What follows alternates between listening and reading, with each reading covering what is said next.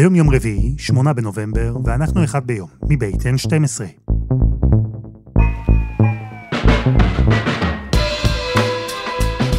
אני אלעד שמחיוף ואנחנו כאן כדי להבין טוב יותר מה קורה סביבנו, סיפור אחד ביום, בכל יום.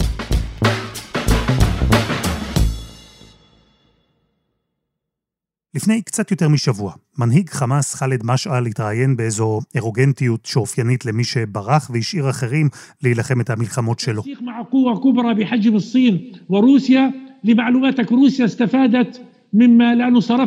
בגאווה כזו, הוא אמר למראיין שאת המתקפה של 7 באוקטובר ילמדו במכללות הצבאיות ברוסיה. הוא אמר שבסין הודיעו לו שמתכוונים ליישם אותה מול טיוואן. לא סתם, משעל נקב בשתי המדינות האלה. אחת מעצמה לשעבר שבחרה באופן מובהק בצד של חמאס, אירחה משלחת של בכירי חמאס, רוסיה כמובן, שנמצאת בעצמה במלחמה באוקראינה. אבל השנייה היא המעניינת יותר, מעצמה בהווה. מעצמה שמשעל כנראה מרגיש שהוא יכול למשוך יותר לכיוון שלו. מעצמה שיש לה קשר ארוך והדוק עם הפלסטינים. מעצמה שיש לה חשבון ארוך ופתוח עם ארצות הברית. מעצמה שכניסה שלה, כניסה אמיתית שלה, לתוך המלחמה יכולה לשנות הרבה במאזן הכוחות. אז בפתח החודש השני של מלחמת אוקטובר 23, אנחנו עם דוקטור אורי סלע, מהחוג ללימודי מזרח אסיה באוניברסיטת תל אביב, וחוקר בכיר אורח במרכז למדיניות ישראל-סין ב-INSS, על המעצמה השנייה שמאחורי המלחמה. היום אנחנו עם סין.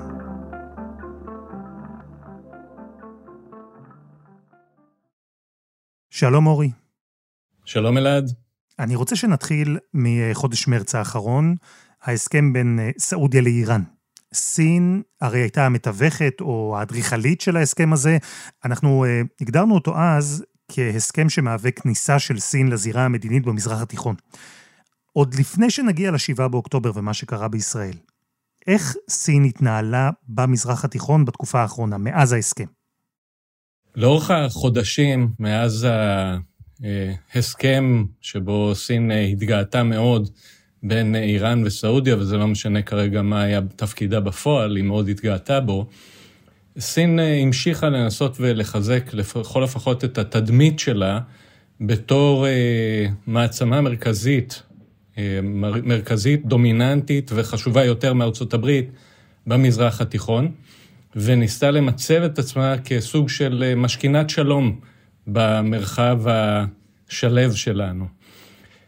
בתוך הדבר הזה, למשל, אה, במאי היא הזמינה את אה, אבו מאזן לבייג'ינג, הכריזה על אה, שותפות אסטרטגית בין סין לבין פלסטין.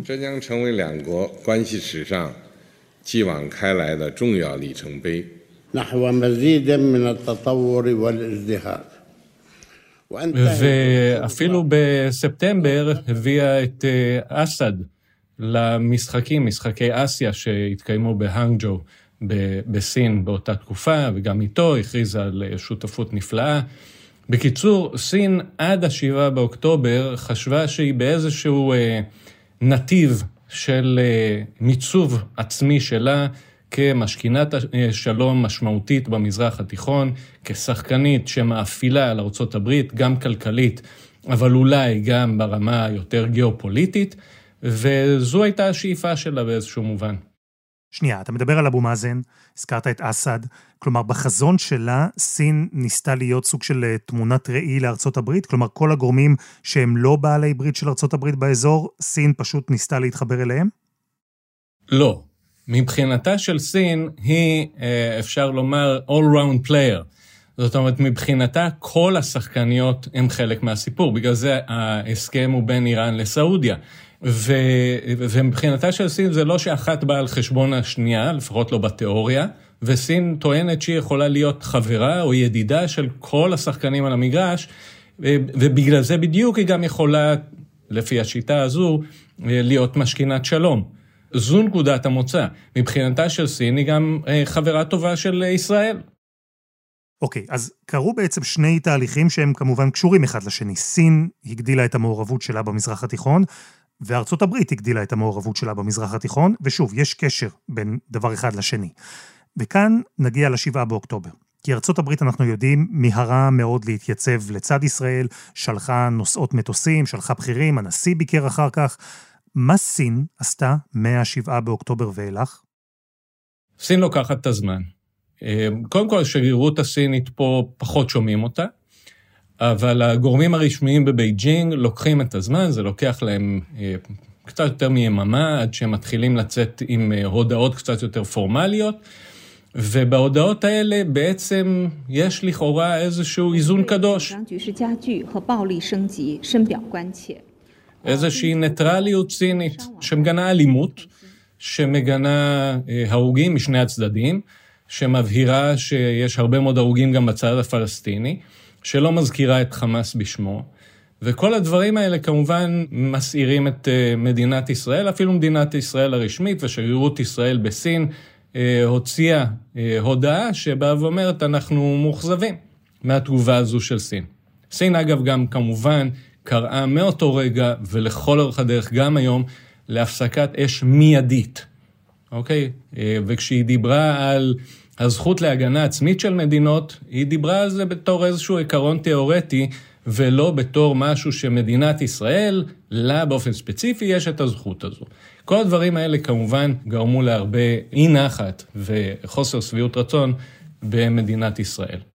אם היא לא גינתה את חמאס אבל, והיא קראה להפסקת אש בעצם עוד לפני שהושגו המטרות של המלחמה הזו.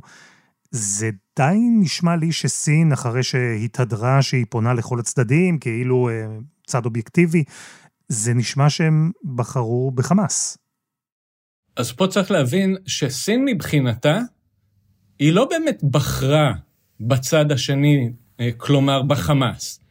היא מבחינתה ממשיכה להציג את אותה חזית מאוזנת וניטרלית.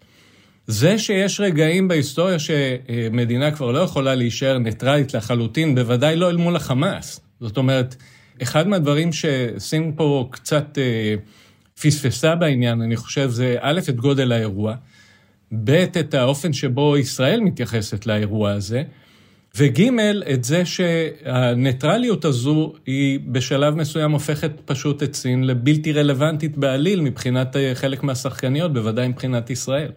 זה לא קצת אה, נאיבי אבל, או אולי אה, ניסיון להציג את עצמך כנאיבי? זה טיפה מזכיר לי מה שאתה אומר את ה-BBC, שמתעקש לא לקרוא לחמאס טרוריסטים כדי לא להיות מוטה, אבל בעצם ההחלטה לא לקרוא לחמאס טרוריסטים, אתה כבר עושה הטיה של המציאות. זה לא אותו דבר? אני חושב שבשביל להבין את זה, להבין את הגישה הזו, שאתה מתאר אותה לא רע בכלל, אה, בשביל להבין את הגישה הזו, צריך להבין את הקונטקסט הסיני. מאיפה בכלל לסין אכפת ומה אכפת לה מהפלסטינים? מה הסיפור הזה? כי בלי להבין את זה, אי אפשר להבין את מה שהיא אומרת מ-7 באוקטובר ועד היום. אוקיי, דבר אליי. אז קודם כל צריך להבין שסין, כן, סין הקיסרית, העניין שלה במזרח התיכון היה מינימלי at best. אה, לא היה שם יותר מדי ידע על המזרח התיכון, בהחלט היו מוסלמים, ויש עדיין מוסלמים בסין. אבל אה, לא היה עניין, ודאי לא עניין פוליטי יותר מדי, במה קורה במזרח התיכון. נקודת השינוי ביחס של סין אל הפלסטינים מגיעה באמצע שנות החמישים, הייתי אומר שני אירועים אה, מרכזיים. אחד, זה אה, ועידה גדולה שסין היא אחת הנציגות הבכירות בתוכה, ועידה של הקשר שבין אסיה ואפריקה, ועידת בנדונג אנחנו קוראים לה. ובוועידה הזו ישראל לא משתתפת, וזו הוועידה שבה בעצם אה, ג'ו אנלאי, אה, ראש הממשלה הסיני והאדם שאמון על יחסי החוץ שלה, מתחיל לחזק, מתחיל להיפגש עם ראשי מדינה ממדינות ערב, מתחיל אה, להבין את החשיבות שלהם ואיפה אפשר לעבוד איתם, מתחיל גם לחזק את כל הרעיון של ציר של מדינות בלתי מזדהות, בלתי מזדהות לא עם ברית המועצות, לא עם ארצות הברית. ולראות את סין כמובילה בתוך הציר הזה. ושם בעצם הקשר הראשוני הזה עם ה, עם, גם עם הסוגיה הפלסטינית מתחיל להתהוות, כשאותו ג'ו אינליין למשל בנאום הפתיחה מדבר, מזכיר באופן ספציפי, שאחת המשימות של הוועידה הזו ושל המדינות הללו, היא בעצם גם אה, לדאוג להחזרה של הפליטים הפלסטינים. והאירוע השני שמגיע זמן קצר אחר כך, זה בעצם מבצע קדש, שמבחינתה של סין מראה באופן אה, ברור וחד משמעי שישראל היא בעצם חלק מאותו ציר אימפריאליסטי, קולוניאליסטי עם צרפת, בריטניה וכולי. רגע, אתה מדבר איתי על שנות ה-50, כלומר אנחנו עוד לפני מלחמת ששת הימים, וכבר אז הסינים התמקדו בנושא הפלסטיני, זה דבר שהוא מאוד לא מובן מאליו. זה בגלל שמה, שסין הייתה אז אה, מעצמה בהתהוות אולי, זיהתה בפלסטינים נושא שבמרכאות לא נתפס על ידי ברית המועצות וארצות הברית ופנוי עבורה? סין היא אה, מקדימה את זמנה, אם תרצה, בעניין הזה. צריך להבין שכשאנחנו מדברים על התמיכה או היחס של סין אל הפלסטינים, הוא מונע בעצם משני ממדים עיקריים. מימד אחד, אני אקרא לו המימד האידיאולוגי, והמימד השני זה המימד שאני אקרא לו אינסטרומנטלי. המימד האינסטרומנטלי תמיד גובר, אבל שני המימדים האלה קיימים, היו קיימים וקיימים עד היום, והפעילות שלהם, או הפעילות הסינית בהקשר הזה, היא לכל אורך הדרך תחת איזשהו אה, ענן או בתוך אה, מרחב של תחרויות בין מעצמות. עכשיו, מה הכוונה באידיאולוגי? אה, שני אלמנטים מרכזיים. קודם כל, הגישה הסינית של המפלגה הקומוניסטית של מאו, שיוצאת באופן עקרוני כנגד האימפריאליזם וכנגד הקולוניאליזם, זה הדבר המרכזי, וסין ראתה את הפלסטינים, לא רק אותם, גם חלק ממדינות ערב ואחרות, ראתה אותם כגורם אנטי-אימפריאליסטי ואנטי-קולוניאליסטי מובהק. זה אחד ברמה האידיאולוגית. עד הנקודה השנייה ברמה האידיאולוגית, זה שסין לאורך כל השנים, גם היום במובנים מסוימים, ראתה לנגד עיניה את הרעיון של מהפכה ומהפכנות כרעיון עקרוני מוביל באופנים שבהם מדינות צריכות להתנהל. והפלסטינים פה שוב בעצם ייצגו עבור סין גורם מהפכני, ראוי, לשיטתם, שצריך לתמוך בו. זה ההיבט האידיאולוגי. ההיבט האינסטרומנטלי, כמו שאמרתי קודם, הוא יותר חשוב כי סין כמו סין, קודם כל חושבת על סין. וההיבט האינסטרומנטלי הוא בעצם שסין מנסה לראות איך היא יכולה ליהנות מהפירות של אה, תמיכה בפלסטינים. זאת אומרת, היחס אל הפלסטינים מוכתב על ידי השאלה איך הוא בעצם משפר את מקומה של סין בעולם. תסביר, איך? פה חשוב להבין שכבר מאמצע שנות ה-50, ביתר שאת מסוף שנות ה-50, סין בעצם נמצאת בסוג של תחרות, או ריב, או איך שלא נרצה לקרוא לזה, גם מול ארצות הברית, אבל גם מול ברית המועצות. ולכן, כשסין נכנסת לזירה המזרח-תיכונית, זה, זה מתבצע כבר אחרי שברית המועצות נמצאת שם כמעט מלכתחילה, כן? מאז, כמעט מאז הקמת אה, מדינת ישראל, ודאי מתחילת שנות ה-50, סין מנסה לראות איך היא יכולה להשתלב שם, איך היא יכולה לקנות את אמונן של מדינות ערב, איך היא יכולה לגרום לערבים באופן כללי לחוש שסין היא ה-go-to אה, מעצמה, ולאו דווקא ברית המועצות, מובן מאליו שלא ארצות הברית. וכאן בעצם סין ממנפת תמיכה, הדהוד, רטוריקה, שתומכת בפלסטינים כבר מאותה ועידה, ועידת בנדום, כבר מ-1955, מחזקת את זה בהמשך, ובזה בעצם היא מתעלת, א', אמירות אידיאולוגיות, וכמובן את ההיבט האינסטרומנטלי שמדינות ערב מתחילות להקשיב לה ומתחילות לראות שוואלה, יש פה אה, מעצמה משמעותית, גם אם בתחילת דרכה, שתומכת ברעיון, תומכת בקוז הפלסטיני והערבי ככלל, ויש על מה לדבר איתה. סין סייעה באספקת נשק לפלסטינאים. סין סייעה באימון של אה, לוחמי פת"ח ואחרים, גם בשטחה וגם במקומות אחרים אה, במזרח התיכון. זאת אומרת, זה היה תמיכה אמיתית וקונקרטית. ובהתחלה זה לא לגמרי ברור, כי בהתחלה היחסים של סין עם מצרים, עם סוריה, הם מדשדשים, הם מסתכלים יותר על ברית המועצות. אז איך בכל זאת נוצר הקשר אה, בין סין לבין ישראל? בסוף שנות ה-70, סין עצמה נאבקת במלחמה, אוקיי? היא, יש לה את מלחמת וייטנאם שלה. היא נלחמת נגד וייטנאם, היא נלחמת עם נשק מאוד מיושן, היא נלחמת עם צבא מאוד לא מיומן, ואז, ב, נקרא לזה מין אה, קשירת קשר אמריקאית, ישראלית וסינית, כאשר הסינים מנסים לחשוב איך אנחנו יכולים לשפר את כלי הנשק שלנו, שהם בראש ובראשונה כלי נשק סובייטיים או מבוססים על כלי נשק סובייטיים מיושנים. סין בעצם מבינה, בסיוע אה, להבנה הזו מצד ארה"ב וישראל, שיש איזושהי מדינה בעולם שיש לה ניסיון בלחימה גם נגד כלי נשק סובייטיים, אבל גם אה, בשימוש בנשק שלל כזה ושדרוג שלו. המדינה הזו קוראים לה ישראל. וכך בעצם מאחורי הקלעים, לצד מיליון ואחד אמירות סופר אה, חזקות בעד הפלסטינים, סין מתחילה לקיים קשר ביטחוני חשאי מול ישראל על מנת לשדרג את צבאה. הדבר הזה מתחיל מסוף שנות ה-70, הוא ממשיך לאורך שנות ה-80, מתחילות להגיע כל מיני משלחות ממדינה אחת לשנייה.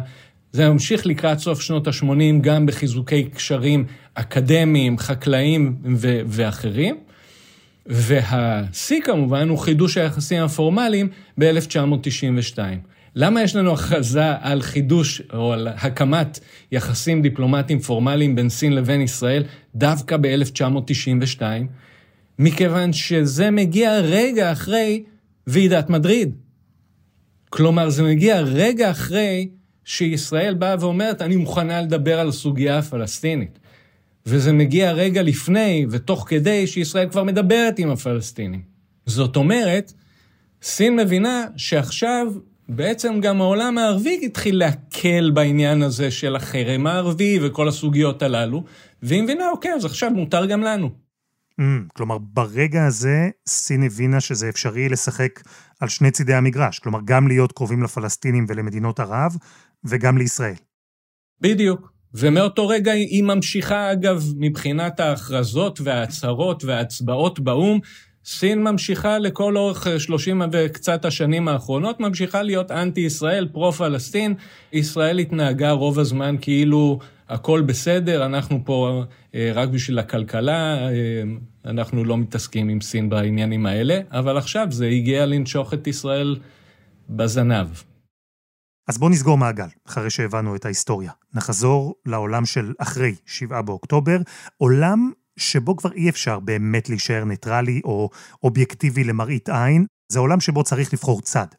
ארצות הברית בחרה בצד הישראלי, רוסיה לדוגמה בחרה באופן אה, מובהק בצד של חמאס, וסין, מעבר למעטה. אנחנו מנסים להיות בסדר עם כולם, תנתח לי את התגובה שלהם, את מה שהם עשו. לפי דעתי, מאז ה-7 באוקטובר ומאז ההכרזות הראשוניות, סין די מהר הבינה שהיא דחקה את עצמה לפינה לא רלוונטית. היא אפילו גינתה פחות את חמאס מהאמירויות. והיא הבינה גם בהדרגה שבעצם כל השחקנים האזוריים לא באמת מסתכלים עליה. תראה מה קורה עם הפלסטינים. האם הפלסטינים בעזה או ביהודה ושומרון אומרים לעצמם כל הזמן, איפה סין שתציל אותנו מהמצב הזה? התשובה היא לא, הם בכלל לא מתעניינים במה שקורה בסין, הם, וסין היא שולית לחלוטין. סין רואה את ארצות הברית, שכל הזמן, אמרנו קודם, הנרטיב היה, ארצות הברית עוזבת. ופתאום היא רואה נוסעות מטוסים, קבוצות קרב, עכשיו גם צוללת גרעינית, מה לא? היא רואה את ביידן מגיע לאזור, היא רואה את בלינקן, אה, תכף הוא ישכור פה דירה, וכל הדברים האלה מדגישים שסין בכלל לא פה, ושאף אחת מהמדינות בכלל לא מתייחסת אליה ברצינות בעניין הזה. ואז סין מנסה לבוא ולשחק עוד על אה, אותו רעיון מוכר שאנחנו יכולים לדבר עם כולם, אבל כבר לא כולם בהכרח רוצים לדבר איתה על הנושאים הללו. וסין מתחילה לעשות שיחות ולשלוח, יש לה שליח מיוחד לענייני המזרח התיכון, אדון ג'אי ג'ון, והיא שולחת אותו לדבר עם כל השגרירים של מדינות ערב, ולהגיד כמה סין תומכת במדינות ערב, ולהגיד שסין בכלל העמדה שלה היא מסונכרנת לעמדה של מדינות ערב. והכל עם אותה רטוריקה של אנחנו ומדינות ערב, מתוך איזשהו ניסיון שמדינות ערב בעצם אה, יחזרו להבין שסין היא חשובה והיא איתן. אבל שוב, הבעיה המרכזית מבחינתה של סין, זה שרוב המדינות הללו, סין הפכה להיות שולית בעיניהם. כשאנחנו מסתכלים על השיחות שהיו לפני השבעה לאוקטובר, לכיוון הנורמליזציה, זה היה ברור שערב הסעודית כבר אז, מי שהיא חיפשה, היא חיפשה את ארצות הברית. לא את סין. ומהרגע שארצות הברית הראתה נוכחות בקנה מידה כזה שאנחנו רואים אותו עכשיו, ומעורבות כזו אקטיבית, הדבר הזה המחיש למדינות שסביבנו, שבעצם המעורבות הסינית, אם קיימת, היא בעיקר בדיבורים, וגם זה לא מי יודע מה. נשמע לי שסין, אה, די במודע, מאבדת את האחיזה הלא מאוד גדולה שהייתה לה בתוך התהליכים המדיניים שקורים במזרח התיכון. השאלה אם היא תהיה מוכנה, כמו האמריקנים נניח, ממש להכניס את עצמה פיזית לתוך המלחמה, כדי לבסס לעצמה מקום בשכונה שלנו. סין ברוב המכריע של השנים לא הכניסה את עצמה לשום סכסוך כשהיא לא יודעת מראש מה התוצאה. זאת אומרת, כשהיא נכנסת לסיפור של אה, נורמליזציה או דטנט בין אה, ערב הסעודית לאיראן, זה כשההסכם כבר פחות או יותר סגור. והיא יודעת שזה בסדר, תנו לנו את האולם, שיעמוד אה, שר החוץ בין שנינו, נלחץ ידיים ויהיה לנו אה, אחלה פוטו-אופ. סין היא לא מסוג המדינות שמסתכנות, שמעמידות את צווארה עבור מדינות אחרות, ולכן הסיכוי שנראה צעדים שבהם סין באמת מסתכנת באיזשהו אופן, אני חושב שהוא נמוך. מצד שני, סין הייתה מאוד מאוד שמחה שכאשר נתחיל לצאת מהמלחמה הזו, היא פתאום תהיה חלק מאיזשהו מנגנון בינלאומי, שבתוכו מתחילים לנסות להגיע להבנות ולפתרון הסכסוך וכולי וכולי. רק שהפעם, אה, שוב, צריך לראות שהקונטקסט הוא רחב יותר. כי סין כן במזרח התיכון בשלב הזה, וסין בצורה משמעותית במזרח התיכון בשלב הזה, אבל השאלה היא במה. והתשובה היא כמעט חד משמעית, היא לא לחלוטין, אבל כמעט חד משמעית, בנושאים כלכליים. פה תישאל השאלה מבחינתה של ישראל, לכשנגיע לא, לאירוע הזה, אה, האם ישראל בכלל תגיד שהיא מעוניינת שסין תיקח תפקיד משמעותי, או שהיא תהיה מוכנה אולי לבוא ולהגיד, אנחנו מוכנים שסין תהיה בשורת המושבים השנייה ותשקיף על מה שקורה בתוך הוועידה הגדולה הזו, אבל מי שבאמת משפיע זה יהיו כבר אה, גורמים אחרים שלא היו אה, כל כך אה, חד משמעיים בחוסר התמיכה שלהם בנו בראייתה של מדינת ישראל. טוב, זו מן הסתם לא תהיה רק החלטה ישראלית, אבל לדעתך, אה, מהיכרותך, סין תנסה לנצל אולי דווקא את היום שאחרי כדי להכניס את עצמה לתוך האזור? אפרופו השקעה כלכלית או בנייה של אה, תשתיות, אנחנו יודעים שהסינים משתמשים לא פעם ביכולות האלה שלהם כדי לקבל אחיזה בכל מיני אזורים בעולם. לשם זה הולך לדעתך? כלומר, לא להיכנס לתוך המלחמה כל זמן שהיא קורית, אבל כן להיכנס לתוך תהליך השיקום ביום שאחרי? קודם כל, אחד מהדברים שאנחנו שומעים המון, גם מסין, גם מאחרים, כמובן, זה העניין ההומניטרי. בעניין הזה סין מדברת בגבוהה גבוהה, אבל כשאתה בוחן בפועל, וזה בהתייחס לשאלה של היום שאחרי בעזה לצורך העניין, או ביהודה ושומרון, אתה רואה שסין בעצם לאורך כל השנים האלה, אה, ואני מתכוון שאני אומר כל השנים האלה, זה שנות ה-90 והלאה, אוקיי? כלומר, אחרי היחסים דיפלומטיים, אחרי אוסלו וכולי, התרומה הסינית הייתה שולית לחלוטין ברמה ההומניטרית, בטלה בשישים, בעזה או ביהודה ושומרון, לאורך כל התקופה הזו. אם האיחוד האירופי ושאר הקולוניאליסטים אימפריאליסטים נתנו מאות מיליוני דולרים במגוון של הזדמנויות, אצל סינים זה היה מיליון שניים בשנה, זה היה הרבה. ואני מניח שכל עוד המצב לא יהיה באמת באמת יציב, וזה עוד ייקח לצערנו הרבה זמן, סין לא תיכנס משמעותית ברמה הכלכלית למרחב הזה של עזה, יהודה ושומרון. מצד שני, סין מנסה לחזור להיות רלוונטית, היא מנסה לחזור לזה דרך אותם מנגנונים בינלאומיים שהזכרנו קודם. האם יש לזה אופק? האם יש לזה התכנות? אני חושב שלא מאוד כרגע, אלא אם, וזה אולי הפאנץ', אלא אם סין תנסה לבוא ולהראות שהיא מצליחה להביא את איראן להסכם גרעין חדש, ואז תהיה לה חשיבות משמעותית בתוך מנגנון בינלאומי כזה שמנסה לשרטט היום אחרי. האם סין תגיע עד לשם? עד היום לא ראינו אותה עושה ניסיונות באמת של לחץ מסיבי על האיראנים. האם נראה את זה בהמשך? זו שאלה, כי הפעם יכול להיות שיש לזה באמת יתרון גם עבור הסינים. דוקטור אורי סלע, תודה. תודה לך, אלעד.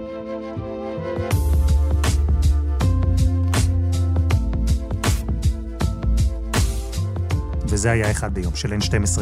אנחנו מחכים לכם בקבוצה שלנו בפייסבוק, חפשו אחד ביום, הפודקאסט היומי. העורך שלנו הוא רום אטיק, תחקיר והפקה, שירה הראל, רוני ארניב, דני נודלמן ועדי חצרוני, על הסאונד, ספיר רוזנבלט, יאיר בשן יצר את מוזיקת הפתיחה שלנו, אני אלעד שמחיוף, אנחנו נהיה כאן גם מחר.